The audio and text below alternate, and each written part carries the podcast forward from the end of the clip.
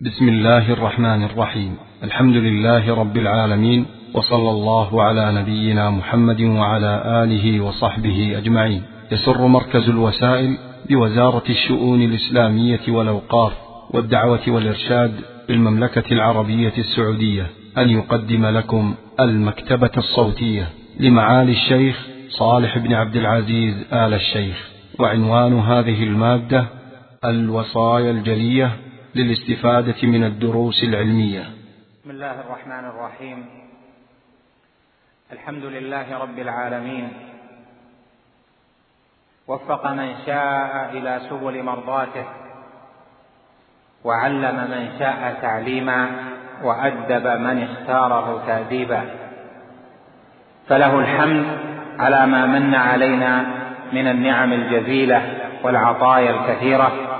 له الحمد كثيرا كما أنعم كثيرا وله الشكر جزيلا كما تفضل علينا جل جلاله وأنعم بكرة وأصيلا. أحمد الله وأشكره وأثني عليه الخير كله وأشهد أن لا إله إلا الله وحده لا شريك له وأشهد أن محمدا عبد الله ورسوله. صلى الله عليه وعلى آله وصحبه وسلم تسليما مزيدا. أما بعد فأسأل الله جل وعلا أن يستعملني وإياكم فيما يحب ويرضى وأن ييسر لنا جميعا سبل الخير وأن يغلق عنا سبل الشر. إنه سبحانه جواد كريم. كما إني في فاتحة هذه الدروس العلمية وهي الدورة السادسة في مسجد شيخ الإسلام ابن تيمية بحي سلطانة بمدينة الرياض.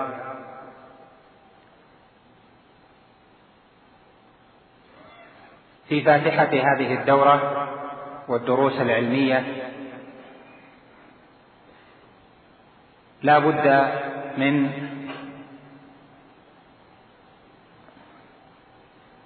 التذكير بأن هناك أناسا لهم عليكم فضل بما رتبوا من هذه الدورات والدروس العلمية. وليسوا واحدا أو اثنين أو ثلاثة. فلهذا لا تخلوا من عرفتم ومن لم تعرفوا منهم من دعوات صالحة أن يجزيهم الله خيرا وأن يزيدهم من نصرة الحق ومن الدعوة إليه ومن فتح أبواب الخيرات والتقرب إلى الله جل وعلا بها. وهذا من الحقوق التي ينبغي تعاهدها. ثم إنكم كما عهدتم كل عام هذه الدورات والدروس العلمية مشتملة على علوم متعددة وفنون مختلفة. في هذا الوقت الوجيز وهو ثلاثة أسابيع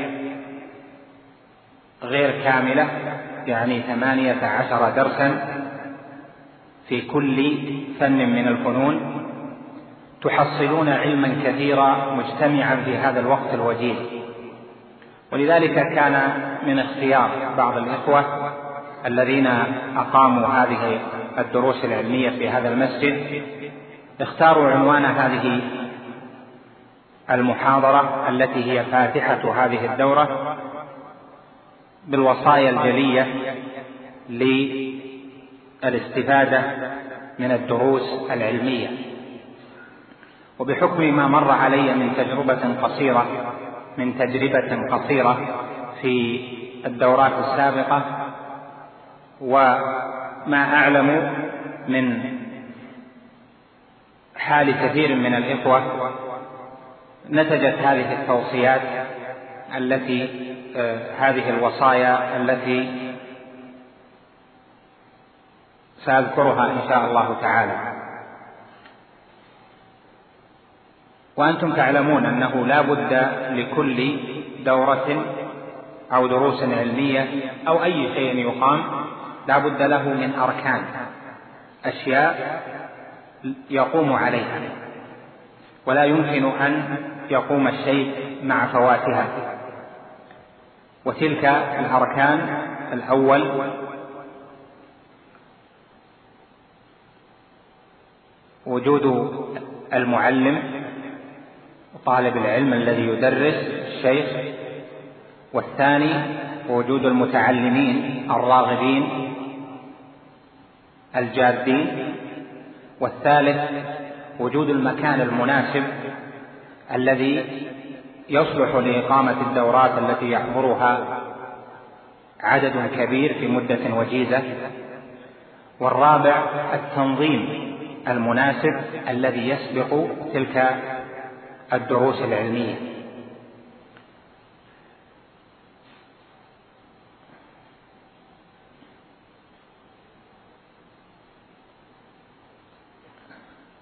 وغير ذلك مما سيأتي. وأبدأ اولا بما ينبغي أن تكون عليه التنظيم لهذه الدروس العلمية. لا شك أن عظم الاستفادة من هذه الدروس لا بد له من تنظيم جيد ومن إعداد مبكر حتى يستفيد الجميع مما يلقى في هذه الدورات أو الدروس. والتنظيم يعنى به ترتيب الوضع المناسب لهذه الدروس. فقبل إقامتها لا بد للمنظم أو لإمام المسجد أو للأخوة الذين يعملون أو لإدارة الدعوة أو مركز الدعوة أو من ينظم الدورة في أي مكان لا بد له أن ينظر إلى حاجة طلبة العلم وحاجة الشباب الذين يرومون هذه الدروس. وهذه الحاجة تختلف باختلاف المكان والزمان وتختلف باختلاف المعلمين وما يراد أن يعلم الطلبة. ولهذا ينبغي أن ينظر في البلد والمكان والزمان ما المناسب فيه. فلا شك أن دورات الشتاء مثلا من حيث الزمان غير دورات الصيف في ترتيبها والوقت كما سيأتي. أيضا من جهة المكان البلد المسجد وضع ذلك ليس كل أحد يريد أن يقيم دورة أو دروس علمية يناسب أن يقيمها في مسجده لأنه سيحضر الجم الغفير. وسيحضر الطلبة الذين يريدون الاستفادة. وهذا ينبني عليه ترتيب المكان وينبني عليه ترتيبات كثيرة حتى يستفيد. وصلاحية المكان في نفسه من جهة إذا كان في الصيف من جهة أن يكون التكييف جيدا ومن جهة أن يكون المداخل والمخارج إلى آخره. فإذا الدروس العلمية من جهة تنظيم تختلف فلا بد من رعاية الحال زمانا ومكانا. ثم أيضا المنظمون ينبغي لهم أن يعتنوا بادئ ذي بدء بالتنظيم والترتيب للدورة قبل قيامها بوقت طويل لأنك تحتاج إلى الترتيب مع المشايخ في أوقات محددة حتى هم أيضا يرتبون أنفسهم.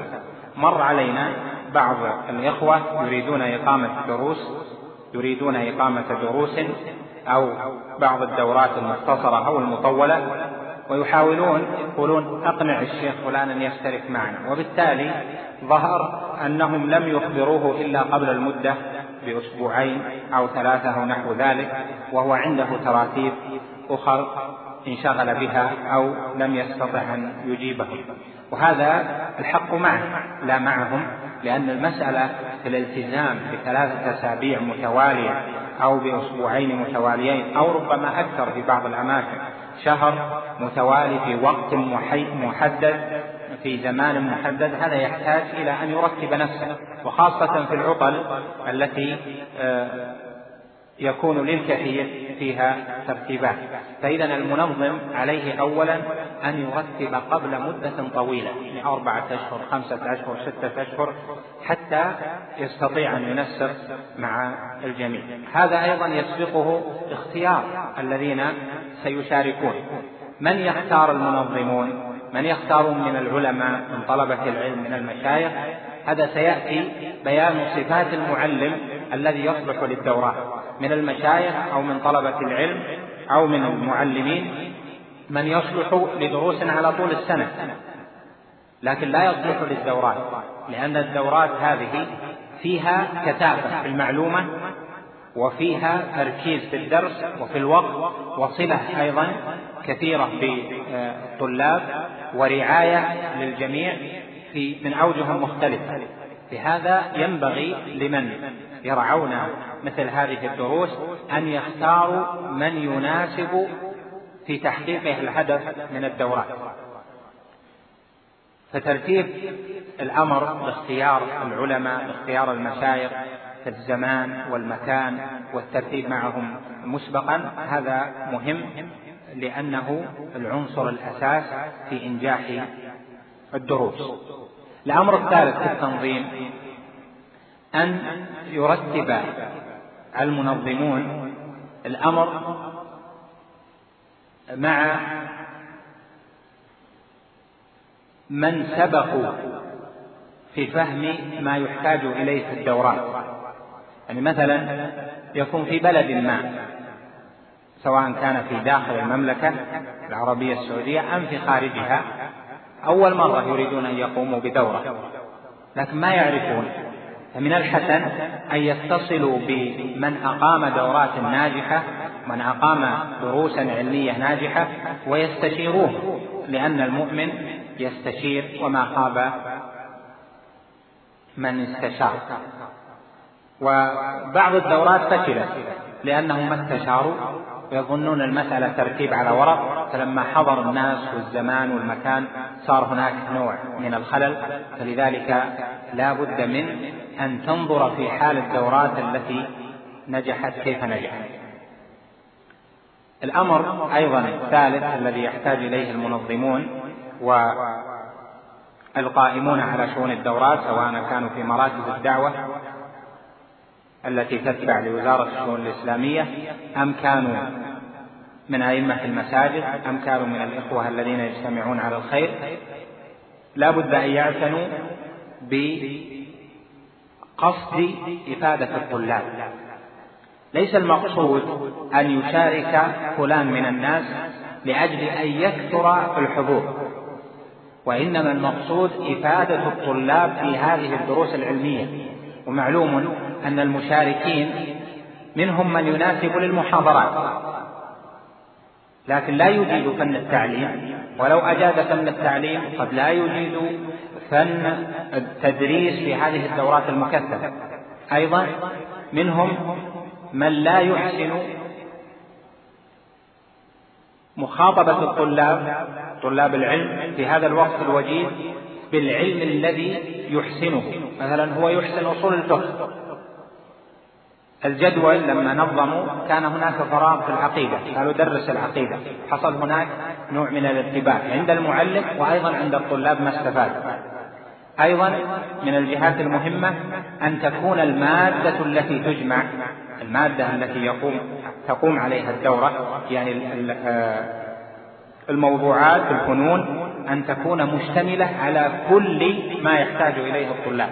وأهم ذلك وأعظمه كما سيأتي التوحيد ثم العلم بالسنة ثم ما يتبع ذلك. فإذا المنظمون يحتاجون إلى رعاية المكان وتهيئته وإلى رعاية الزمان وإلى رعاية المعلم واختيار المعلم والمدرس واختيار الشيخ الذي سيلقي اختيار بعناية لأن المقصود النفع وأيضا اختيار الموضوعات اختيار الفنون اختيار الكتب اختيار المتون أن يكون ذلك بدقة. وهذه قد لا يستطيعها كل أحد. ولهذا كان من حسنات الإخوة القائمين على هذه الدروس العلمية في مسجد شيخ الإسلام ابن تيمية وفي مقدمتهم الأخ فهد الغراب وفقه الله الخير. وغيره من الإخوة كان من حسناتهم أنهم يستشيرون أهل العلم ويستشيرون طلبة العلم فيما يحكم اختياره من الموضوعات والفنون والمتون. سبق في الدورة الماضية أنه درس كذا ما الذي يناسب؟ بعض الكتب لا يكون متنا يصلح في منهجية طلب العلم. نعم هو متن صغير لكن لا يصلح متنا في المنهجية إما لتفرق مادته أو ضعف أسلوبه أو عدم اشتماله على كل ما يحتاج إليه في هذا الفن أو ما أشبه ذلك.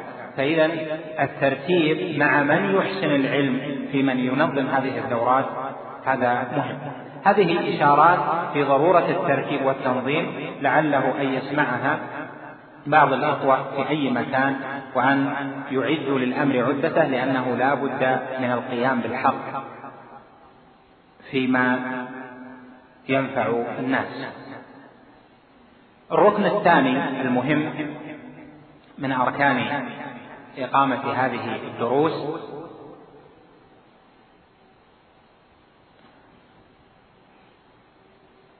المعلم الشيخ. طالب العلم الذي سيلقي الدرس.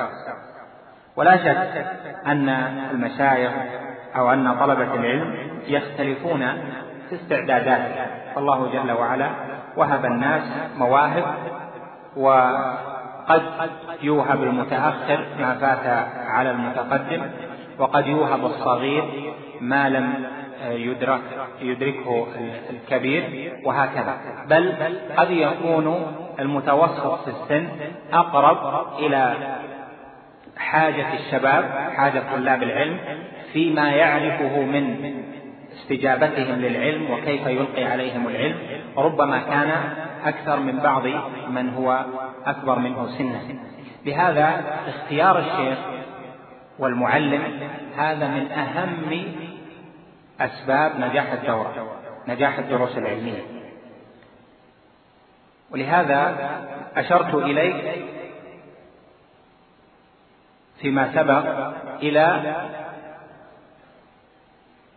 أن الدروس هذه يعطى فيها متن لمدة وجيزة. قد يكون المتن يمكن تدريسه في سنة. كل أسبوع درس في كل أسبوع درس. وينجح من يدرسه لكن لو ضممتها جميعا أن يشرح متن في أسبوع ربما لم يستطعه ذاك الذي يستطيعه في سنة تجد أنه ربما شرح أربع ورقات أو ثلاث صفحات ثم ترك أكثر من ثلثي الموضوع ثلثي المتن بلا شرح. لهذا من المهم لمن ينظم ومن المهم أيضا للمعلم لطالب العلم أو للشيخ أن ينظر في أن ينظر في تقسيم الزم في تقسيم المتن على الزمن. عنده ثمانية عشر درسا. إذا كان كل يوم درس وكل أسبوع فيه ستة دروس فعندنا في ثلاثة أسابيع مثلا ثمانية عشر درسا. في عندنا في أسبوعين كم؟ اثنا عشر درسا وهكذا. فإذا يقسمه بالترتيب والذي حصل في دورات كثيرة سواء في هذا المسجد أو في غيره أن علم الشيخ أو علم المعلم أو علم طالب العلم كان أكبر من زمن الدورة. ففصل تفصيلات كثيرة ومفيدة لكن ضاق الوقت فترك الطلاب بلا إهمال والملاحظ أن الذين يستفيدون من الدورات ليسوا هم الذين يحضرون. أنتم تحضرون وقد يبلغ عددكم بالمئات لكن من يستفيد من الدورات؟ آلاف عشرات الآلاف بل ربما مئات الآلاف. وحدثني بعض الإخوة من الدعاة والمشايخ ممن زاروا بعض البلاد في أفريقيا أو في أوروبا وجدوا فيها الدورات التي أقيمت في هذا المسجد أو في غيره مسجلة على الأشرطة. لكن إنما ينتفع الناس بالكتاب الذي شرح كاملا بالمتن الذي شرح كاملا يوجد عندهم مجموع في عشرة أشرطة في ثمانية أشرطة إلى آخره فلهذا أوصي المشايخ وطلبة العلم وأوصي المعلمين في هذه الدورات في أي مكان أن يرتبوا الزمن. وألا ينساقوا وراء المعلومة فينقضي الزمن ولم ينقضي من الكتاب إلا صفحة أو صفحتان. لهذا كان من اللوازم أن ينبه أيضا ينبه القائمون على الدروس أن ينبهوا الشيخ فيما لو استطرد في البداية لو مضى درسان وهو مستطرد وفات يفوت جزء من الوقت أن ينبهوه على ضرورة الزمن والاهتمام بالزمن وأن يكون الشرح متواكبا مع قصر المدة وما ينبغي في ذلك. أيضا ينتبه إلى مسألة وهي في اختيار اختيار المنظمون أو اختيار القائمون على الدروس المشايخ واختيار المعلمين. منهم من يحسن الدروس لكن بتحضير. والدورات العلمية ولا بد من الإيضاح إيضاح ذلك لأن إن شاء الله نرجو أن يكون منكم جبلا كثيرا ممن يدرس ويعلم في دورات سواء في داخل المملكة أو في خارجها لأنها مسؤولية في أعناقنا وفي أعناقكم في حمل العلم ونقله لأن الناس محتاجون أكثر ما يحتاجون إليه إلى العلم. وكل يعلم ما يحسن. نقول من المهم أن ينتبه طالب العلم إلى أنه ليس كل العلم يلقى بتحضير. أحيانا تحتاج إلى تحضير وأحيانا يكون التحضير سببا في إطالة المادة في إطالة الموضوع في إطالة الإلقاء. فهو يحضر من كتب كثيرة. فإذا جاء في إلقاء الدرس أتى بمعلومات تفصيلية مما حضره لكن لا يحتاجها الطالب في شرح هذا الكتاب. تجد أنه يفصل ونقل من الكتاب الفلاني ونقل من الكتاب الفلاني لكن الدورات في الواقع والدروس العلمية المكثفة هذه تحتاج إلى معلم يمر المتن بإيضاح عباراته وبيانها والاستدلال عليها وإيضاح العلم وحفظ مقصود العلم ومقصود المؤلف في كلامه والمرور على ذلك سريعا بلا إسلام. وهذا يحتاج إلى دربة ويحتاج إلى علم حاضر في كل الفن والتحضير قليل. لكن التحضير الواسع ربما أخل بالعملية التعليمية في الدروس العلمية هذه. بهذا ينبغي أن يكون هناك نوع من التسهيل في إلقاء المعلومات. لابد من القوة العلمية والفوائد لأن طلبة العلم لو لم يجدوا إذا لم يجدوا فوائد فإنهم لن يستمروا. فإذا كانت المادة العلمية قوية وكان المعلم مستعدا وملكته قابلة ولغته قريبة واضحة وإلقاؤه فيه سهولة وعدم تقعر فإن تكون الفائدة أكثر والمرور على المتن أيسر ومن ثم تكون يكون تحصيل المتلقي أعظم. الجهة الثانية في المعلم أن الطلاب قد يحتاجون إلى السؤال. وأنت تلاحظ الدورات العلمية أن الميكروفونات أمام الملقي كثيرة لأن الذين يسجلون كثر. وهذا يعني أن الفائدة من كلام المعلم أو من كلام الشيخ ليست مقصورة على الحاضرين. ولهذا لا ينبغي أن يقطع الحاضر الكلام بأسئلة تخل بالتسجيل لأن المراد أيضا مع فائدة الموجودين أن تحفظ هذه الدروس مشروحة. كيف ظنكم لو كان لو وجدنا شرح إمام الدعوة الشيخ محمد بن عبد الوهاب رحمه الله لكتاب التوحيد مسموعا لدينا بعد هذه بعد هذه السنين. كيف لو وجدنا شرح شيخ الإسلام ابن تيمية أو تفسيره للقرآن موجودا أو شرحه للواسطية؟ كيف لو وجدنا شرح الشيخ محمد بن إبراهيم مسجلا؟ وأنتم الآن عندكم شروح جلة من العلماء كسماحة الشيخ عبد العزيز بن باز رحمه الله ورفع درجته في الجنة. وألحقه بالصديقين. وكذلك شروح عدد من مشايخنا كالشيخ ابن عثيمين أو الشيخ صالح الفوزان أو من لهم مشاركات قوية في التعليم ودور هذه موجودة لديكم والاستفادة منها عظيمة. فلا بد من حفظها. هذا الحفظ أيضا مقصود من الدورات والدروس العلمية. حفظ هذا العلم في أشرطة حتى ينتفع طلبة العلم بعد ذلك. لا تدري متى يحتاج الناس إلى هذا العلم. فلهذا المعلم ينبغي أن يستحضر هذه التبعة العظيمة في أنه يلقي الكلام والكلام سيسجل وسيستفيد منه الناس ليس في غضون سنة أو سنتين أو ثلاث سنوات بل سيستفيدون منه ربما بعد مئة عام. لهذا عليه تبعة عظيمة وأيضا المتلقي من طلاب العلم الذين يحضرون الدروس لا بد أن يستحضروا هذه الملحوظة وألا يقطعوا درس الشيخ ليس بالأسئلة ألا يقطعوه أيضا بالحركة. لا يشتت الذهن بقيام جلوس لأن هذا أيضا يضعف الدرس هذا أيضا يؤثر على المعلم.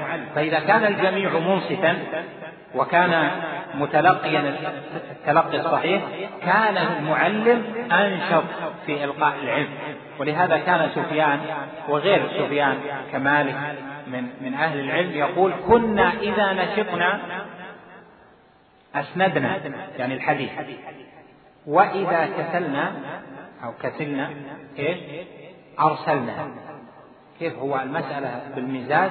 مرة يسند الحديث ومرة يرسل يقول قال رسول الله صلى الله عليه وسلم بدون ذكر إسناد. هذا راجع إلى الوضع النفسي للمعلم لا شك لكن أيضا راجع إلى المتلقي. وهذا ألاحظه أنا في الدروس والمشايخ جميعا يلاحظون أن حركة الطلاب واستعداد الطالب وتلقيه وحسن إنصاته وحسن كتابته ينشط المعلم إلى الفوائد. مرات مثلا في بعض القرى وبعض في بعض زياراتي ألقي الدرس ولا أحد يكتب ولا وجود لتسجيل ولا أحد معه ورقة وقلم يكتب. طبعا هذا ما ليس من خصال طالب العلم. معه حضور بلا سلاح. سلاح طالب العلم ما هو؟ القلم والورقة. هذا ليجمع فيه السلاح للمستقبل فالمعلم إذا لن ينشط إذا شاف أن الطالب لن يستح لن يهتم. فإذا لن ينشط إذا هذه الدروس في التسجيل مهم جدا أن يتعاون فيها المعلم والمتعلم في إنجاحها. وفائدتها ليست مقصورة على الحاضرين وإنما على جميع من سيسمع. هي ممتدة على جميع من سيسمع في بلاد شتى. ربما في أوروبا في أفريقيا في الصين في أندونيسيا في الشمال في الجنوب في أي مكان. لهذا احرصوا على الإفادة والاستفادة أيضا مما ينبغي للمعلم أن يكون مستحضرا أن هذه الدورات والدروس العلمية هي للمتوسطين من الطلاب. لا ينبغي أن يحملها على المتقدمين لأن المتقدمين قلة ولا على المبتدئين فتفوت الفائدة على المتوسطين فيكون التوجه فيها إلى المتوسطين من طلاب العلم. في أسلوبها فيستخدم أسلوبا في بيانه لا يرتفع عنه الحاذق ولا يتقاصر عنه الريض المبتدئ. بل بين بين. وهذه صفة الربانيين من العلماء فيما وصفهم الله جل وعلا بقوله ولكن كونوا ربانيين بما كنتم تعلمون الكتاب وبما كنتم تدرسون والله جل وعلا هنا وصف الرباني من أهل العلم بأنه الذي يعلم ويدرس. أما الذي يعلم ويستغني عن أن يدرس فهذا ليس من الربانية يعلم. صفة التعليم قال أبو عبد الله البخاري الرباني هو الذي يعلم الناس صغار العلم قبل كبار. يعني بحسب الحاجة. والنبي صلى الله عليه وسلم أوتي جوامع الكلم وكان الكلام يختصر له اختصارا يفهمه العامي والذكي والبليد والحاضر والبادي إلى آخره. فإذا في هذه الدورات يستحضر المعلم فيما يلقيه يستحضر المتوسطين من طلاب العلم والمتلقين. ولو كان الذي أمامه جميعا من الحاذقين فلا بد أن يستحضر لما كانت دورة دروس علمية مكثفة في مدة وجيزة وستحفظ الأشرطة وستنقل إلى آخره يستحضر المتوسطين في العلم. وهذا يعني أنه سيفيدهم فوائد يرتفع بهم في العلم والتعريفات والضوابط والقواعد إلى آخره. ومما ينبغي أن يكون عليه المعلم وأن يحرص عليه أن يتجنب في الدورات الأساليب الإنشائية يعني الوصفية. يجلس يتكلم يتكلم لأني أنا لاحظت في مشاركاتي السابقة وفي الدروس التي ربما ألقيتها. ألاحظ أن الطلاب والمعلم يتكلم. متى يبدأ يكتب؟ إذا وجد فائدة. وخاصة إذا كانت الفائدة مشتملة على تعريف أو ضابط المسألة أو تقسيمات. تعريف. مثلا نقول وتعريف التوحيد هو كذا. تعريف الحقيقة كذا. تجد أن الطالب مباشرة بدأ يكتب أو ضابط المسألة هو كذا. ضابط الصفيق من الثياب كذا. ضابط السدل كذا. هنا. النمص تعريفه كذا. تجد الطالب مباشرة يأخذ القلم ويبدأ يكتب وهذه منقسمة. بهذه يتكلم المعلم يقول هذه منقسمة إلى أربعة أقسام منقسمة إلى ثلاثة أقسام. ألاحظ مباشرة طلاب العلم وهم يحضرون درس يبدأون يكتبون. إذا طلاب الطلاب والمتعلمون إذا حضروا الدورات يريدون الاستفادة. والاستفادة التي تكون متوسطة أن يحرص المعلم وهذه وصية لكل معلم أن يحرص على ذكر الفوائد دون الاستطراد في الوصف. وهذه هي التي تبقى يدونها هؤلاء وتبقى معهم وهي التي تفتح لهم فهم العلوم.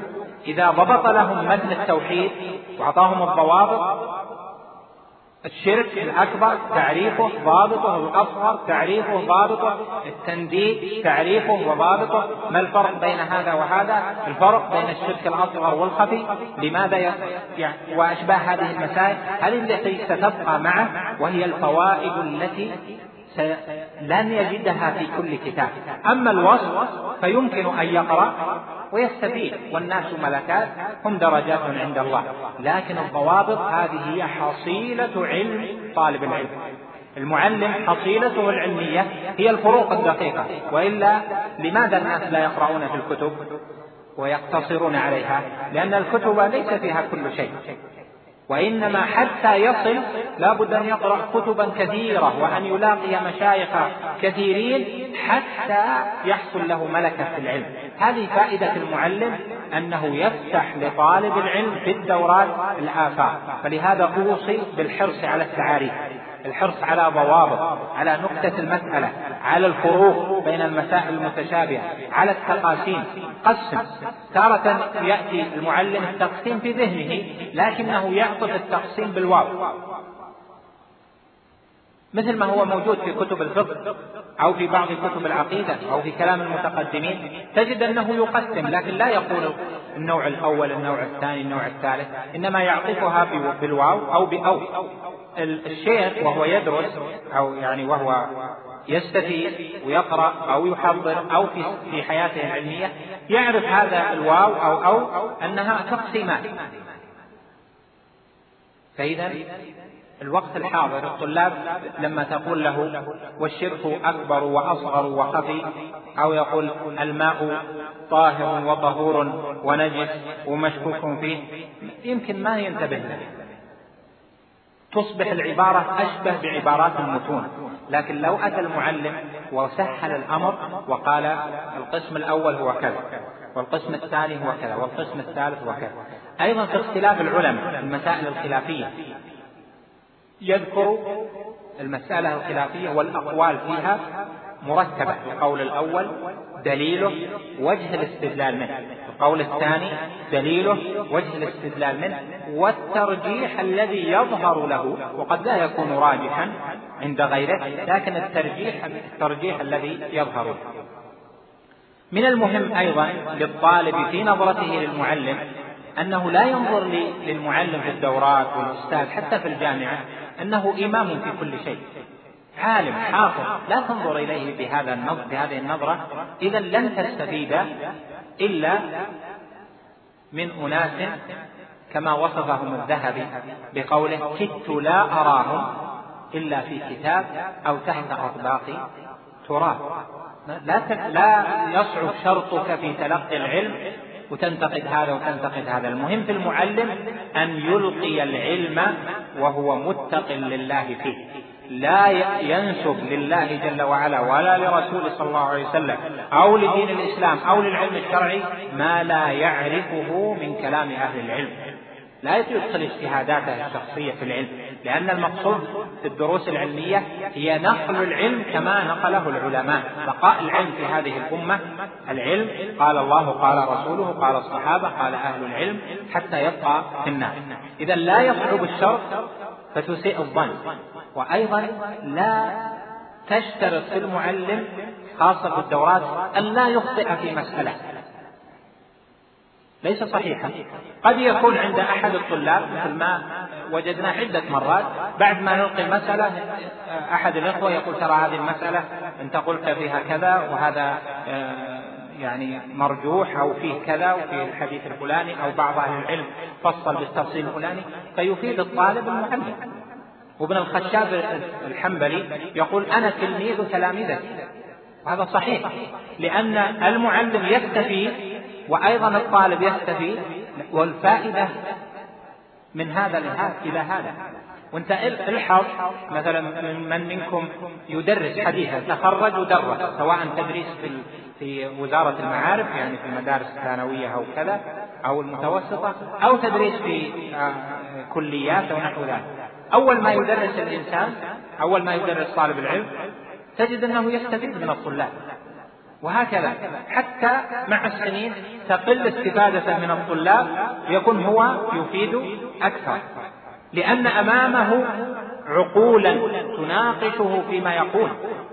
وهو قد يركز ويستعد لكن تأتي مسألة يجد أنه لا بد أن يقول فيها فيذكر ما عنده لكن يكون ما عنده فيها ليس هو القول الصحيح أو ليس هو التحقيق أو يفوته شيء أو يغلط في يغلط في نسبة حديث أو ما أشبه ذلك. إذا فالعلم بين المعلم في الدورات بين المعلم والمتعلم. لا يرتفع المعلم عن أن يستفيد من الطلاب ولا يستنكف الطالب أن يفيد المعلم أو أن يظن أن المعلم يجب أن لا يخطئ. أو أن يكون القمة في شرحه. هذا لا لا يمكن. لهذا لا بد من أن يكون هناك استفادة. وكل أحد من طلاب العلم المشهود لهم بالعلم والمشهود لهم بالمعرفة وحفظ الفن الذي يدرس فيه لا بد أنك ستستفيد منه ما شاء الله من الفوائد. لكن لا تشترط شروطا يصعب وجودها إلا في أحمد بن حنبل أو البخاري أو ابن تيمية أو العين هذا لا يمكن. ننتقل إلى الركن الثالث وهو المتعلم طالب العلم الذي يحضر الدورات. ما خصاله؟ ما صفته؟ كيف يستعد لهذه الدورات؟ كيف ينشط لها؟ كيف يهيئ لنفس لنفسه أكبر استفادة من الدورات والدروس العلمية؟ أولا طالب العلم يجب عليه إذا أراد حضور الدورات العلمية أن يخلص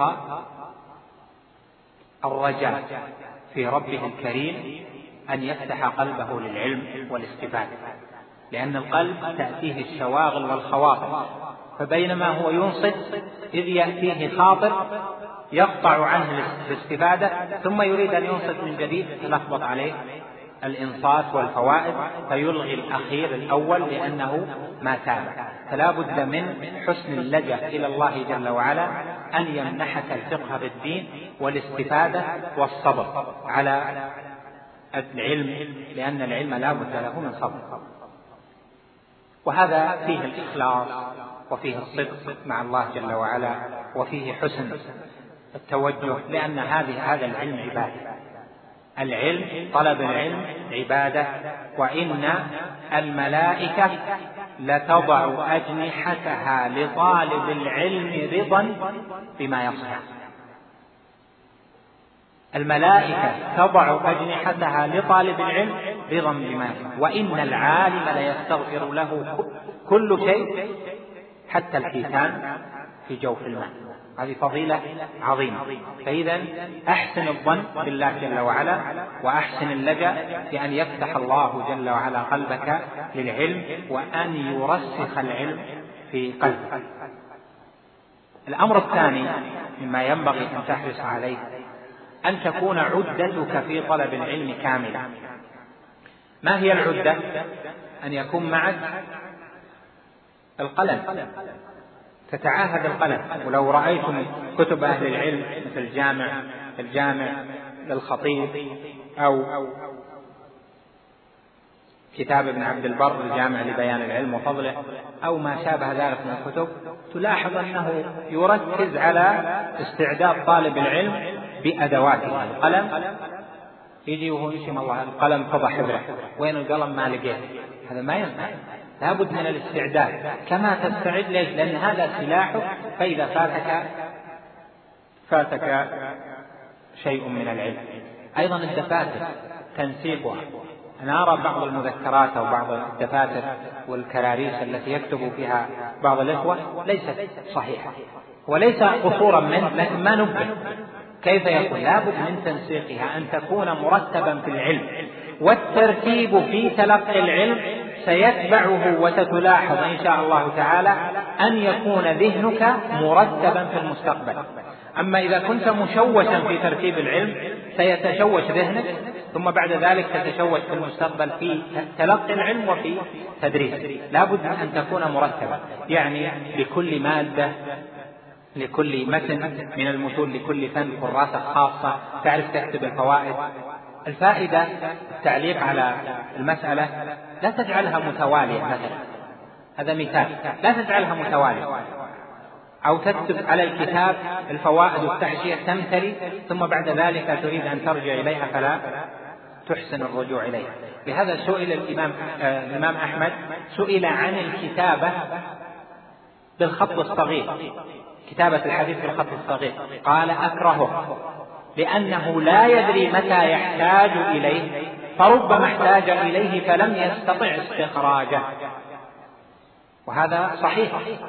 يكتب بخط يأتي كذا في وسط الأسطر ثم يبدأ يرجع ثم ينزل. ثم بعد ذلك يأتي يرجع إليه في مدة يريد أن يدرس يريد هو أن يراجع العلم. يمل ولا ينشط لأن كتابته ليست حسنة ولا مرتبة. فإذا الأفضل أن تجعل لك في المتن الذي تدرسه أن تجعل أرقاما متسلسلة من واحد إلى الأخير.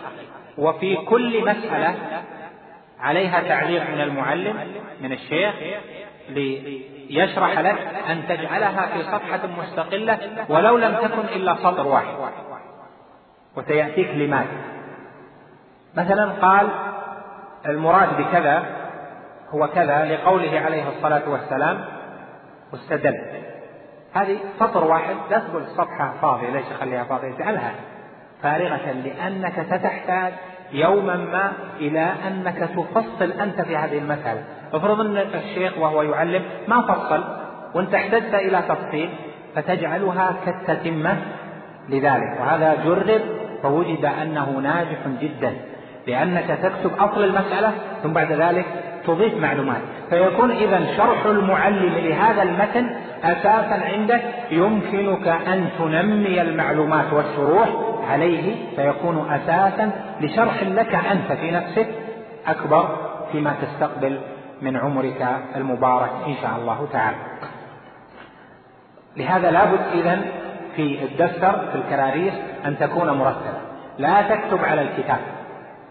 سابقا يحرصون على الكتابة على الكتاب لقلة الورق أو لأسباب. والآن ولله الحمد أرخص ما يكون الدفاتر والكراريس. اجعل أرقاما متسلسلة كل تعليق في صفحة. إذا أردت أن تراجع تقابل بين هذا وهذا. الوصية الثالثة لطالب العلم. قد يكون طالب العلم يحضر بعض الدروس. وقد يحرص على حضور الدورة جميعا. فما الذي ينبغي له؟ ينبغي له إذا أراد أن ينتقي من الدروس أن لا ينتقي الماء الفن الذي يختاره وإنما الذي يختاره بحسب فراغه وإنما الفن الذي يحتاجه في دينه. بعض الإخوة يكون لم يدرس التوحيد أو درسه من مدة ويريد أن يسترجعه هنا يجعل هذا هو الأساس. وبقية الوقت يجعله للموضوعات والفنون الأخرى. بعضنا قد يكون مشغولا مع أسرة خاصة في الصيف. عنده عمل عنده برامج أخرى يريد أن يعني عنده أشياء في في يومه وليلته. فما الذي يختاره؟ يختار العلم الذي يحتاج إليه في دينه لتكملة ملكته العلمية واستعداداته في العلم. هذا قد يكون بسبب المعلم ان والله في موجود الشيخ فلان بيدرس ابحضر لأستفيد منه وقد يكون لأسباب أخرى. لكن لابد من اختيار الوقت والفن الذي يناسب طالب العلم. أيضا مما ينبغي لطالب العلم أن يتمسك به أن أن يحضر للدرس تحضيرا جيدا. طيب كيف يحضر؟ والدروس متوالية ومتتابعة. قد يكون تحضيره بحفظ المتن ولو لم يسمع على الشيخ يحفظه ليكون هذه الأسابيع قضاها في تكوين علمي صحيح. وقد يحضر بالنظر في المسائل التي يحتاج إليها. مثلا يقرأ ثلاث تسطر أربع تسطر صفحة والله المسألة غريبة ببحثها لا يحضر كل مسألة كما يحضرها المعلم وإنما يستعد لينظر هذا الاستعداد ليس المقصود منه فقط أنه يتعلم المقصود منه أن يقارن ملكته بما يعطيه المعلم. وهذه مع الزمن تجد أنه ينمي نفسه بهذه الطريقة فيحضر وينظر كيف تعامل الشيخ مع الكتاب وكيف هو تعامل معه. في فن في التوحيد في الأصول في شرح الحديث في البلوغ مثلا. كيف يتعامل؟ هو الآن مثلا جرب مثلا في بلوغ المرام وستبتدئون إن شاء الله آه، دراسة من كتاب الصلاة. خذ حديثا وانظر مثلا في تحضيره في سبل السلام أو في فتح الباري أو إلى آخره. كيف أنت وجدته؟ ثم قارن كيف تعامل الشيخ مع هذا المثل مع الحديث. لا شك أنك ستخرج بفوائد ربما تكون غائبة عنه والملاحظ أن المشايخ في تدريسهم لا ينقلون للطلبة كيف يتعاملون مع العلم. يعطونهم العلم لكن كيف يتعامل مع العلم؟ كيف يدرس؟ طبعا أنا بتكلم أنا كيف أرتب كلامي؟ أشرح حديث كيف أرتب؟ كيف أحضر له؟ كيف أختار؟ ذلك هذا لا ينقل. يذهب العالم ولا ينقله إلى من بعده. والذي ينبغي أن يختار المعلم والعالم أن يختار من طلابه من يحسن التدريس وأن يعطيه وأن يعطيه كيف يعلم كيف يدرس كيف يرتب المسائل إلى آخره هذه إذا لم يكن في الدورات فرصة لها لأنه الجمع الغفير حاضر ولا يمكن للشيخ أن يعرف من هو الطالب والحاضر. مثلا لو آه، قال فلان من الناس أنا والله حضرت عندك الدورة في العام الماضي شرح البلوغ أو شرح الأربعين ما من حضر ممن لم يحضر. يمكن أتذكر واحد اثنين خمسة لكن الحضور الكثر لا أتذكر. فإذا لا يمكن نقل أشياء من العلم إلا بتعاون الطالب والمدرس. يعلم والشيخ يلقي لابد أن يكون هو عنده تحضير وهذا التحضير له آه، أنحاء شتى تارة يراد من تحضير الطالب أن ينظر إلى المعلومة من حيث هي. تارة أن يقارن بكيف تعامل هو مع التعليم كيف تعامل هو مع المتن كيف تعامل مع الحديث والمعلم والشيخ كيف تعامل معه هو كيف نظر إليه من جهة تحضيره وكيف الشيخ نظر إليه فيستفيد فوائد جمة لا يمكن تحصيلها إلا بتجارب بتجارب. من الوصايا أيضا التي ينصح بها طالب العلم أن لا يقول كما ذكرنا والله الدورة مسجلة بجلس أسمع. يعني ما دامها مسجلة بأخذها من تسجيلات كذا وتسجيلات كذا والحمد لله. ما لها داعي اقعد أكتب كل شوي أكتب أكتب ما دامها مسجلة الحمد لله وهذا غلط كبير يقع فيه عدد من الإخوة. لماذا غلط؟ لأن كتابة الطالب مع الشيخ هذه مؤثرة في استعداداته العلمية وفي مشيه في العلم كما ينبغي. لأن العلم إذا لم تكابده فإنه يتركك. إذا لم تكابد العلم فإن العلم لا يأتيك وتقول سأسمع سأسمع وبعدين بأخذ التسجيلات. هذا ما ينفع لأن هذا ترك للمجاهدة ترك للمكابدة بل الذي ينبغي أنه تظن أنه لا تسجيل. أنا بحرص على اقتناص الفوائد ومراجعة ما كتبت. هذا يعطيك ملكة في تلخيص العلم. ستسمع؟ لا شك أنك لن تكتب ما قاله المعلم وما قاله الشيخ حرفيا. في أحد يستطيع يكتب حرفيا؟ ما ينفع. ولهذا ينبغي التفريق ما بين ما نقله الطالب كتابة وما سمع. وهذا جربناه في بعض الدروس اللي لخصوا آه، الكتاب اللي لخصوا الدرس. تلخيصهم يكون فيه نقص كبير عما هو موجود في التسجيل أو عما يعرفه المعلم من نفسه. لكن ما المقصود من الكتابة؟ المقصود أن تتدرب على ملكة التلخيص. إنك تسمع كلام مباشرة هذا الكلام تستوعبه ثم تلخص هذا الكلام. ستجد أنك في أول الأمر والله الشيخ هذا ما يسرع ما استطاع تكتب.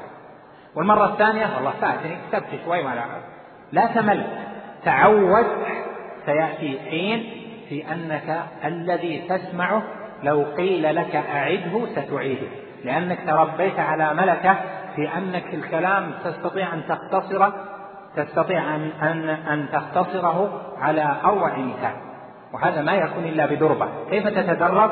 لأنك لا تعتمد على التسجيل بل لابد أن تكتب فورا معه شيئا فشيئا.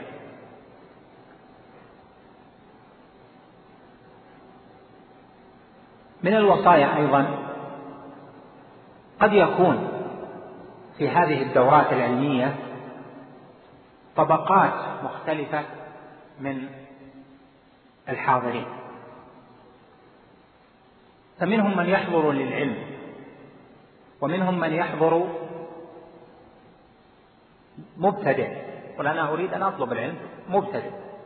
ومنهم من يحضر لمجلس الذكر خاصة بعد الفجر مثلا أو في أوقات الإجابة يريد يحضر مجلس الذكر ويستمع ومنهم من يحضر للفائدة اللي يحصل عليه يحصل ولما يحصل عليه ما والذي ينبغي حقيقة أن يتعاهد طلاب العلم من يحضرون في هذه الدورات أن واحد يحضر يلاحظ اللي جنبه وهو طالب علم يعرف كيف يكتب يلاحظ أنه بوده أن لو تعلم لكن ما يحسن الطريقة. العلم عليه صعب إلى آخره. ولهذا ينبغي أن يرحم بعضنا بعضا في الدروس العلمية وفي العلم جميعا. ولهذا ذكرت لكم مرارا أن العلماء في المتون ربما ابتدأوا متونهم بالوصية لطالب العلم والسؤال بالرحمة. اعلم رحمك الله. مثل مثلا في ثلاثة الوصول. اعلم رحمك الله. أنه يجب علينا التعلم إلى آخره ليش الرحمة والتراحم؟ العلماء أول ما ينقلون في العلم في الإجازات إجازات الحديث أول ما ينقلون حديث الراحمون يرحمهم الرحمن. ارحموا من في الأرض يرحمكم من في السماء. هذا الحديث الراحمون يرحمهم الرحمن هو الحديث المعروف عند العلماء بالمسلسل بالأولية. لأن كل شيخ يقول عن شيخه وهو أول حدثنا شيخنا فلان. وهو أول حديث سمعته منه. قال حدثني شيخي فلان. وهو أول حديث سمعته منه. إلى آخره إلى أن يصل إلى طبقة تبع التابعين. كلها أول. لماذا حديث الراحمون يرحمهم الرحمن؟ اعلم رحمك الله. لأن طالب العلم من خصاله التي بها يبارك الله جل وعلا له ويرحمه الله جل وعلا بها أن يكون رحيما. رحيم بمن؟ رحيم بمن حوله. يرشد هذا ويعلمه ويعينه وإلى آخره ويبذل. فالراحمون يرحمهم الرحمن. فإذا كنت في طلبك للعلم رحيما بالخلق رحيما بزملائك رحيما بأصدقائك رحيما بالحضور في أنواع شتى من الرحمة والتعاون والخير فأبشر برحمة الله جل وعلا لك لوعده الصادق بقول نبيه عليه الصلاة والسلام الراحمون يرحمهم الرحمن والرحمة لها أوجه شتى. هذه وصايا مختلفة متنوعة لعله لعلها أن تكون مفيدة لملقيها ولمن يستمعها وأسأل الله جل وعلا أن يجعلكم مباركين وأن ينفع بكم. وقبل أن تؤذن معنى الدعاء بأن يجعل الله فلانا مباركا هو ما جاء في الدعوة في ما جاء في سورة مريم أن عيسى عليه السلام قال وجعلني مباركا أينما كنت. ارجعوا إلى تفسيرها جعلني مباركا كيف تكون مباركا أينما كنت؟ بأن تكون معلما للعلم. قال العلماء في تفسيرها من السلف والعلماء المبارك من عباد الله هو الذي يعلم الناس الخير. فأسأل الله أن يجعلكم مباركين وأن ينفع بكم وأن يجعل هذه الدروس العلمية مفيدة لملقيها ومفيدة للمتلقي وأن يبارك في الجميع وأن يلهمكم الرشد والسداد وأن يمنحكم جميعا وإيانا الفقه في الدين والتزام السنة وأن لا يكلنا لأنفسنا طرفة عين. إنه سبحانه جواد كريم. اللهم اغفر لنا جما وصلى الله وسلم وبارك على نبينا محمد. وهذا يقول فضيلة الشيخ نحضر إلى هذه الدورة. من أماكن بعيدة من خارج هذه البلاد ولا يوجد في بلادنا طلاب علم. ولكننا نستطيع الحصول على أسر الدورة. فإلى أي مدى نستطيع الاستفادة منها؟ كأنه يعني هل نحضر منها وندرس هناك. لا بأس أن تعلم إذا ليس من شرط التعليم أن تكون عالما متمكنا أو مدرس في جامعة أو آه، متخصص في فن درس لكن انتبه إلى الحساب. انتبه إلى تقوى الله جل وعلا فيما تقول. لا تنسب لعالم قولا لم يقله. تخلصا من موقف. لا تقل على الله ما لا تعلم. قل ما تتيقن بدليله الواضح مما تعلمته من الأشرطة أو من غيرها. ما تتيقن دون زيادة. ليس مهما أن يكون كلامك لمدة نصف ساعة في الدرس. اجعل كلامك ربع ساعة عشر دقائق. لكنه يقيني لا تحاسب عليه وإنما تجزى عليه الجزاء الأوفى إن شاء الله تعالى. وأنا ألاحظ بعض الذين كانت لديهم رغبة في التعليم في المساجد ولم يستمروا أنهم أتوا من جهة أنهم توسعوا في الكلام بأشياء غير يقينية بأشياء لم يعلموها من العلم حقا. أحرجوا في الكلام أو استطردوا ودخل في أشياء وتصورات واجتهادات له عقلية في المقام وهو العلم لا يوافقه. يعني العلم ضد ما قال. أو أن كلامه غلط علمي ونحو ذلك فتفرق الناس عنهم لأن يقولون هذا يقول أشياء. وربما نسب بعضهم إلى بعض أهل العلم كلاما يتخلص لا هذه أنا سمعتها من الشيخ فلان وليس بصحيح. فإذا التعليم ممن تعلم وحضر هذه الدورات وذهب إلى بلده جزاه الله جل وعلا خيرا وأسأل الله أن يكتب خطواته وأن يجعله من طلبة العلم وأن يقر العلم في صدره وأن ينفع به من شاء الله من عباده. لا بأس يحضر على هذه الدروس التي سمعها وينقل ما فهمه بيقين. لست محاسبا على أن تشرح كل العلم ولكن إذا نقلت العلم فانقل العلم وأنت متيقن. لا تكذب على الله وعلى رسوله صلى الله عليه وسلم. لا تكذب على العلماء. لا تقل شيئا أنت تستنتجه استنتاج. وإنما تنقل ما تعلمته وسمعته من مشايخ أو قرأته بيقين وفهمته دون لبس أو غموض. ولو كان قليلا فإنه يبارك الله جل وعلا فيه. ربما منكم من سمع أو حضر عند بعض المشايخ في بعض القرى أو ما عنده علم كثير كلمات. يقرأ عليه الطالب في بعض المتون يعطيه كلمات لكنها كلمات صحيحة وفيها بركة لأنها ليست غلطا في نفسها وإن لم يكن الناس درجات معلومات درجات. لكن هذا اتقى الله جل وعلا فقال لك ما يعلم ولو كان قليلا فينفعك الله به وأنت تستعد تنطلق إلى ما بعد. فلهذا وصيتي للجميع في أنهم أولا ينقلوا العلم. انقل العلم في بيتك انقل العلم لأصدقائك انقل العلم لمن يحتاج إليه. لكن انقل العلم بيقين واخشى الحساب عند الله جل وعلا لأن الله سبحانه وتعالى يحاسب العالم إذا كذب في علمه لأنه يكذب على من؟ يكذب على الشريعة. يعني هذا له أثره الفاسد. وهؤلاء هم علماء السوء والعياذ بالله. نعم. ثاني يقول فضيلة الشيخ إني أحبكم في الله كيف أقاوم الفتور وضعف الهمة في طلب العلم؟ اعرف المقصود. فضل العلم. نهاية العلم ما هو؟ إذا طلبت العلم ما الفضل العظيم؟ الذي ستحصل عليه منازل العلماء عظم أجر أهل العلم عظم أجر طالب العلم الأحاديث الواردة في ذلك. بل الآيات وتفسير أهل العلم لها. لابد فضل العلم تقرأه تكثر منه. فضل العلم في نفسه. وفي هذه الدورة في هذه الدروس تم درس يتعلق بالتربية والأخلاق أخلاق طالب العلم. أليس كذلك؟ إيش؟ اسمه؟ عنوانه؟ يتعلق بأخلاق طلاب العلم وأخلاق الدعاة يلقيها الأخ الشيخ عبد العزيز استدحان وفقه الله.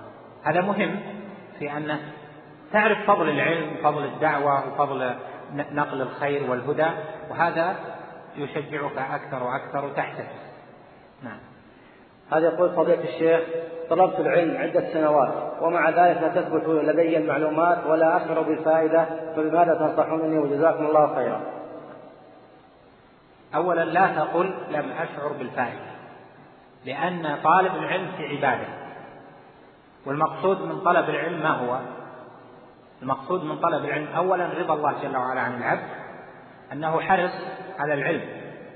تعلمون أن الرجل اللي في الحديث مات بين بلدين فأتت الملائكة فقالت قيسوا إلى أي البلدين أقرب؟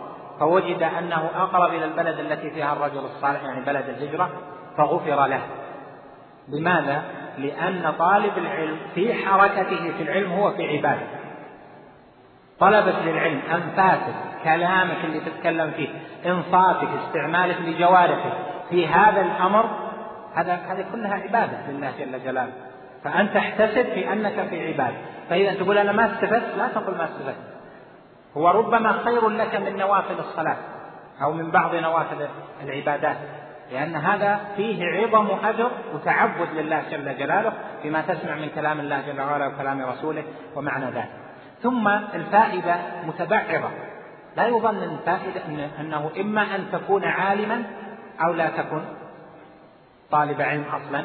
ليس المقصود من كل طالب علم أن يكون عالما إنما المقصود بطلبك للعلم أن ترفع الجهل عن نفسك أن تتعبد لله جل وعلا بعبادات صحيحة أن تكون عقيدتك صالحة تأتي الله جل وعلا بقلب سليم. يوم لا ينفع مال ولا بنون إلا من أتى الله بقلب سليم. سليم من الشبهة وسليم من إقرار الشهوة. هذا من فوائد العلم أنك ترفع الجهل عن نفسك. ولا أظن أحدا طلب العلم سنين لم يستفد منه أجرا ولم يستفد منه رفعا للجهل عن نفسه. لا يمكن. إذا كانت نيته صادقة الله جل وعلا لا يضيع أجر من أحسن عملا ثم هو لا بد أن يكون رفع الجهل عن نفسه. لو ما نفعت إلا نفسك وعيالك هذا خير عظيم. نعم. فضيلة الشيخ يقول أقول في نفسي لن أستطيع أن أكون شيخا ربانيا لأني لست على ذكاء قوي أو غير ذلك من الأعذار فبماذا تنصحنا؟ بما نصحت به أخاك قبل. لا ليس من شرط طلب العلم أن تكون عالما ربانيا. اسأل ربك التوفيق. ولا تدري هل إذا تصدرت للعلم وصرت عالما مشارا إليه هل ما تدري هل ذمتك تبرأ أو لا تبرأ. لا تدري هل هو ابتلاء لك أم أنه أفضل.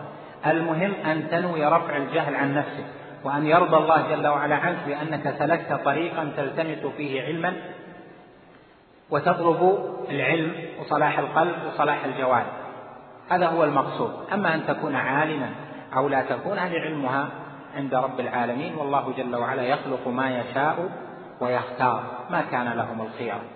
سبحان الله وتعالى عما يشركون. أسأل الله لك التوفيق ولإخوانك جميعا. ولكل من رام خيرا فلم يدرك مبتغاه لكن لا تسئ بالعلم ظنا يا فتى.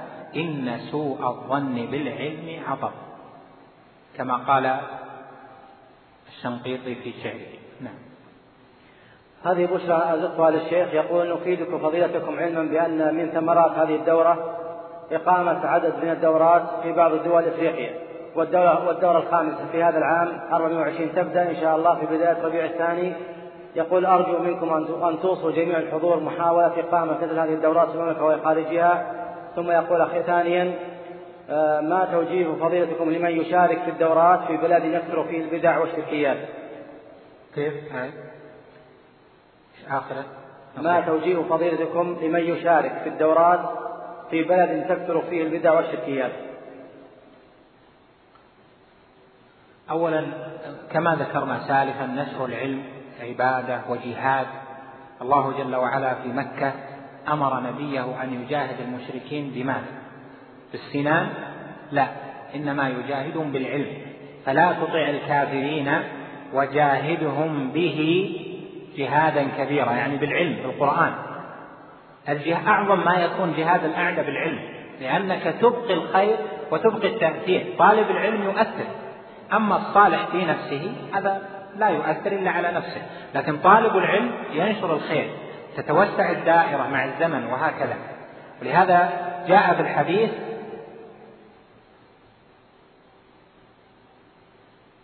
وفي إسناده مقال فضل العالم على العابد كفضلي على أدناكم رواه الترمذي وغيره بإسناد فيه مقال لكن العلم لا شك أن طالب العلم فيه له فضيلته العظيمة لهذا إذا تهيأ له أن يعلم في بلاده فهذا عظيم. إذا تهيأ له أن يرحل وأن يعلم من هو محتاج فهذا عظيم. مثلا في بعض الطلاب طلاب العلم حضروا بعض الدروس وعندهم ملكة توحيد مثلا خاصة أو في شرح بعض المتون الصغيرة أو في فهم العلم أو في إلقاء السيرة. عندنا يمكن لا يشار إليهم لأن الناس إنما يصيرون لمن هو أعلم ومع وجود الأعلم يكون من هو أقل منه لا يصار إليه. هذا شيء طبيعي. لكن ربما لو ارتحل إلى بلد أخرى كما ذكر وأقام دورة في في أندونيسيا قام دورة في أفريقيا قام دورة كذا علمية مع من يختار بذلوا فيها المال آه هذا وعلم الناس الدين والعقيدة والتوحيد ربما وجد نفسه في تلك الديار شيخا. وهذا ينبغي أن ينظر. لا يتجاكر المرء على العلم لكن ينتبه إلى أن العلم الذي معه ينفع به من يأخذه منه. ولهذا أنا أوصي الجميع في بلادهم أن يقيموا الدروس العلمية وأن يتقوا الله جل وعلا فيما يقولون. وإذا كان ثم بلد كما قال تنتشر فيها البدع والشركيات فالأعظم ما تعلم ولا شك ما دعت إليه الرسل جميعا وهو توحيد الله جل جلاله الذي هو حق الله على العبيد والعقيدة الصحيحة. فهذا أعظم ما تورثه وتبقيه في أي مكان. ثم تدرسهم السنة لأنها هي التي تبقى والقبول لها. تعلم تعلمهم كلام الله جل وعلا تعلمهم السنة دلالة الأحاديث إما من الأربعين النووية أو ما أشبه ذلك. فهذا هو الذي يبقى وهو الذي ينشر الخير وهو الذي كما هو ملاحظ يغيظ الأعداء. ومر علينا كثير من الإخوة يدرسون في بلد يدرسون كتاب في التوحيد قام عليهم من اللي قام عليهم؟ قام عليهم العلماء علماء تلك البلد. لماذا؟ لأن هذا ولو كان درس بسيط يعلمون أثره. أن هذا معناه أنه سينشئ طلبة علم ممن يهتمون بالعقيدة. معنى هذولا أنهم سيأتون ينتقدون علينا أوضاعنا البدعية والشركية أو سينكرون علينا. نعم. يتخيلون ما يتخيلون بوسوسة الشيطان وعداوة الشيطان لأوليائه الصالحين. لهذا أعظم ما تجاهد به أعداء الله جل وعلا والشيطان نشر العلم. فانشره في أي مكان بحسب ما تستطيع واتق الله جل وعلا في ذلك. وقل ربي زدني علما. آخر سؤال.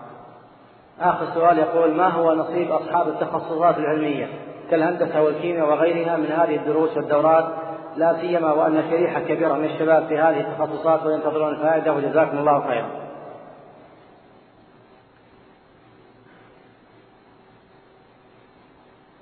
من الواجب على كل مسلم أن يتعلم ما به تصح عقيدته وما به تصح عباداته هذا يجب على المهندس ويجب على الطبيب ويجب على الذي يدرس الرياضيات والكيمياء أو المهندس المعماري أو المتخصص في الكمبيوتر أو في أي فن من الفنون النظرية هذه فيجب عليه أن يتعلم علم الشرعي. لا يكون طالب علم لكن يتعلم ما تصح به عقيدته ويتعبد لله جل وعلا تعبدا صحيحا. لهذا هذه الدورات فرصة. وربما لم يكن عندهم وقت إما أن بعضهم طلاب ينشغلون في طول السنة يحضرون هذه الدورات فيستفيدون علما كثيرا في وقت وجيه أو أن يكون فعلا قد تخرج وتوظف إلى آخره فيأخذ من كل علم ما يحتاج إليه. ولا شك أن أمثال هؤلاء لديهم استعدادات فطرية لكي يفهموا العلوم الشرعية. ولهذا كان بعض الحكماء يقول من لم يكن مهندسا فلا يدخل داري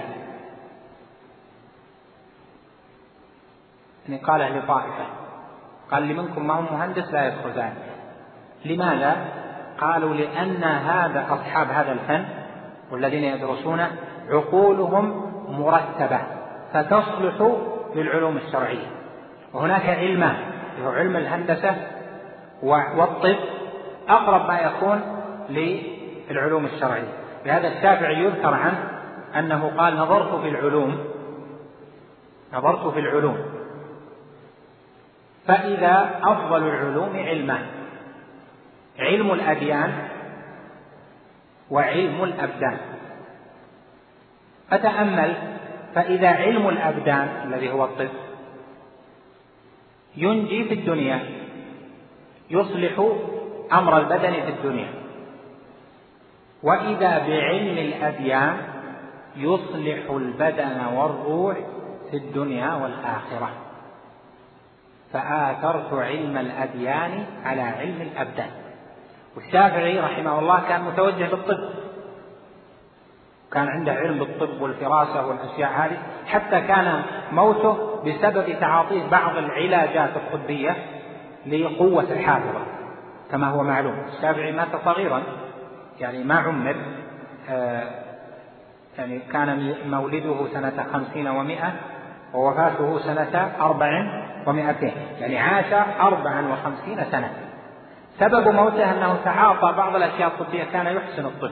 تعاطى بعض الأشياء الطبية اللي أثرت على دمه فأصابه نزيف عن انفجار كما ذكر الذهبي في السير وفي غيرها. المقصود أن العالم قد يعتني. ابن القيم كان طبيبا. ويعتني بالطب والفلك أيضا. لو نظرت في كتابه مفتاح دار السعادة شرح لك اسم الإنسان تشريحا عجيبا ذكر الكبد ووصفها وتشريحها وطبقات الجلد. طبقات الجلد كيف يعرف كيف يعرفها؟ كان يعاني بعض هذه الأشياء لكن لا يصلح العالم أن يشهر هذه الأشياء. ربما هو يعلمها لكن لا يصلح أنه يشهرها. كان أيضا ذكر لك في مفتاح دار السعادة صورة للخسوف والكسوف وعملية حسابية هندسية من جهة آه، الأشكال المخروطية وحساب القطر والزوايا وإلى آخره والزمن بحيث إنك لو أخذت بها يقول تستطيع أن تحسب متى يكون الخسوف والكسوف. إذا العلماء الربانيون علماء الأمة كان لهم اشتغال ببعض هذه العلوم لأن هذه العلوم تورث صحة في العقل يعني قوة في العقل. فإذا كان من هيئ له علم الطب أو علم الهندسة أو ما أشبهه وفق لدراسة العلم الشرعي وأن يجمع بين هذا وهذا فهذا ليس بعزيز وعلى قدر أهل العلم تأتي العزائم وتأتي على قدر كرام المكارم.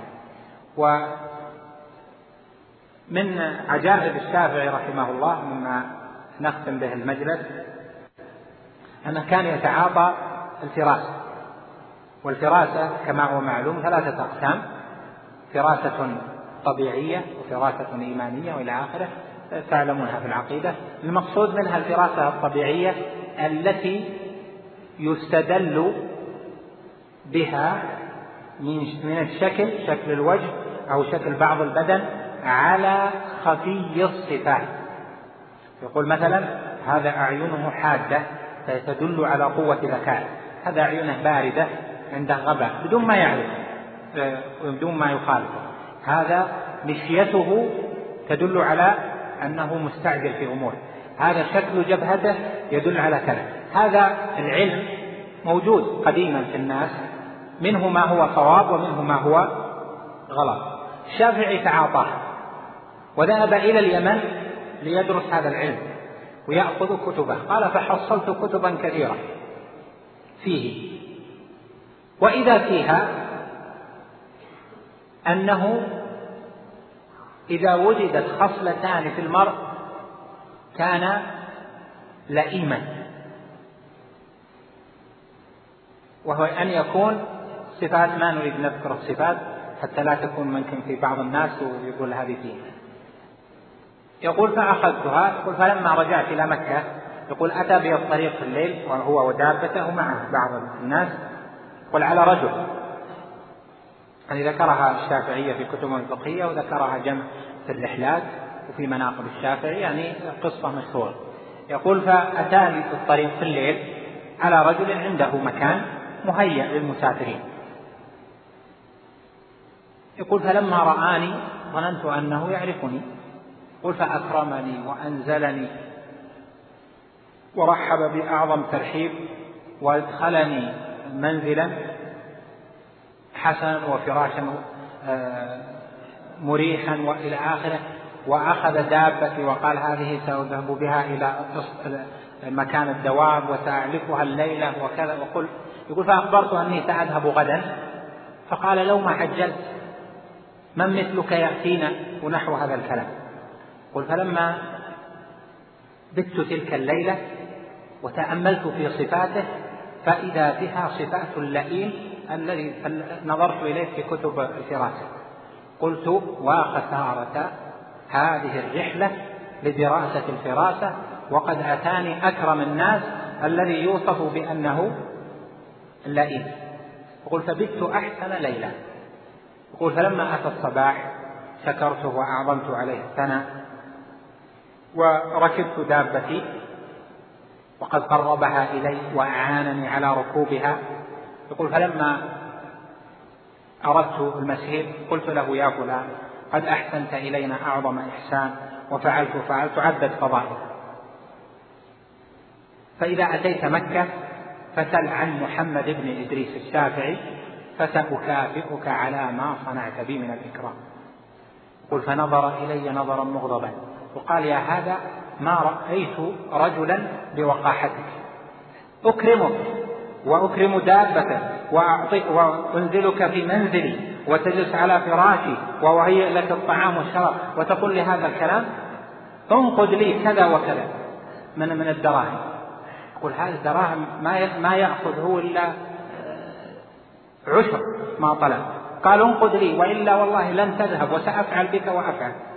يقول فعرضوا محبتي لكتب الفراسة يقول فاحتفظت بها فأعطيته وذهبت وأنا أذم فيه وأنظر في كتب الفراس هذا أثر في الشافعي هذا استطراد لتنشيط الإخوة. أثر في الشافعي حتى إنه كان يسأل رحمه الله تعالى إذا أتى له خادمه بطعام ممن اشتريته؟ صف لي من اشتريته منه. قال خادمه مر قال تلميذه الربيع قال أتيته مرة بطعام. فقال ما صفة من اشتريته منه؟ قال صفته كذا وكذا.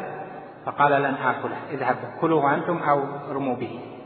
يا أبا لماذا قال هذه أبشع صفة؟ لا فأثرت فيه مع أن ذلك غلط. وهذا هذه القصة فيها فوائد يعني إيرادها فيه فوائد أولا ينبغي لك أيها الطالب للعلم أن تحرص على قراءة التراجم لأن الآن ما شاء الله أول الكلام كان منكم من هو شارد وسارح ورايح في ألف وادي لكن لما بدأت القصة انشدت هذا في طبيعة الإنسان. اقرأ التراجم تراجم العلماء وسير العلماء وسير الأولين تنشط وتستجم للعلم لأن العلم منه ملح ومنه عقد العقد غليظة وصعبة لكن ملح العلم سهلة وتستلذ بها. لهذا كان الزهري وغيره من العلماء إذا انتهى الدرس قال هاتوا لنا من أخباركم هاتوا لنا من أشعاركم فإن للقلب إحماضا أو كما قال. فلا بد من أولا مطالعة التراجم لتنشر. الثاني أن تستفيد من هذه القصة ومن أمثالها. أن العالم قد يكون ترى في ترجمته شيئا غريبا لأنه بشر. والله جل وعلا بقدره وحكمته جعل في بعض العلماء أشياء من الصفات ليست هي صفات الكمال. لماذا؟ ليبقى الكمال والاقتداء في النبي صلى الله عليه وسلم. ما يأتي أحد ينزل العالم منزلة النبي. يأتي عالم ما قد أخطأ تماما فعله كفعل النبي صلى الله عليه وسلم. لا يمكن. ويكون قصور يكون قصورا منه من العالم لكن القصور يكون بحكمة من الله جل وعلا وأمر كوني سير إليه لمصلحة أعظم وهو ألا يغلو الناس في أحد من لا تجد شيئا غريبا. فإذا من هو الكامل؟ من هو الذي يقتدى به؟ من هو؟ هو العالم الرباني الذي يعلم الناس الخير وينشر الناس الهدى ويعلم الناس السنة ونحو ذلك. أما الأشياء التي قد تكون في حياته هذه لا تلتفت إليها لأنه ما من أحد إلا وستجد عنده ما تجد. لو رأيت ترجمة مالك وجدت فيها. لو وجدت ترجمة أحمد وجدت فيها. لو رأيت ترجمة أبي حنيفة وجدت فيها. لكن الآن الناس مجمعون على على الثناء على هؤلاء الأئمة الأربعة. الإمام أبو حنيفة تقرأ في بعض الكتب منهم من كان في عصره من يلعن أبا حنيفة لبعض المسائل. لكن استقر الأمر على الثناء عليه وعلى أنه من العلماء وعلماء الفقه وأهل الاجتهاد إلى آخر ذلك فالعالم إذا قرأت في التراجم أفادك أن أهل العلم في الأزمنة جميعا لم يكونوا كاملين. بل لا بد من نقص. وهذا النقص لا تنسبه إليهم فقط بل هو ابتلاء من الله جل وعلا ليظهر كمال الكامل وتظهر نصيحة الناصح وليظهر أن الاقتداء التام في الأنبياء. في المسألة يغلط خالف يخالف الدليل خالف السنة. خالف فيقول لا والله أنا أظن كذا. خالف الدليل لأنه ابتلاء من الله جل وعلا. ليظهر الاتباع لأنه يظهر المتبع أنه يتبع النبي عليه الصلاة والسلام في مصالح وخير والفائدة الأخيرة من القصة أن دروس العلماء وطلبة العلم والدروس العلمية حبذا لو يكون المعلم يلقي فيها بعض القصص والفوائد التي تكون فيها تربية ويكون فيها توجيه لطالب العلم لأنها أوقع في القلب وأكثر أثرا من العلم المجرد عند بعض الناس أو في بعض الأحوال. ونختم بهذا وفي هذا القدر كفاية. وأسأل الله جل وعلا أن يثيبكم على حسن إنصاتكم وعلى حضوركم وأن يبارك فيكم وأن ينفعكم بهذه الدروس نفعا عظيما وأن يجزل للجميع خير الجزاء وأن يوفق ولاة أمورنا لما فيه رضاه وأن يمن عليهم بالهدى والتوفيق للصالحات. إنه سبحانه جواد كريم. وصلى الله وسلم وبارك على نبينا محمد. مع تحيات مركز الوسائل بوزارة الشؤون الإسلامية والأوقاف والدعوة والإرشاد بالمملكة العربية السعودية.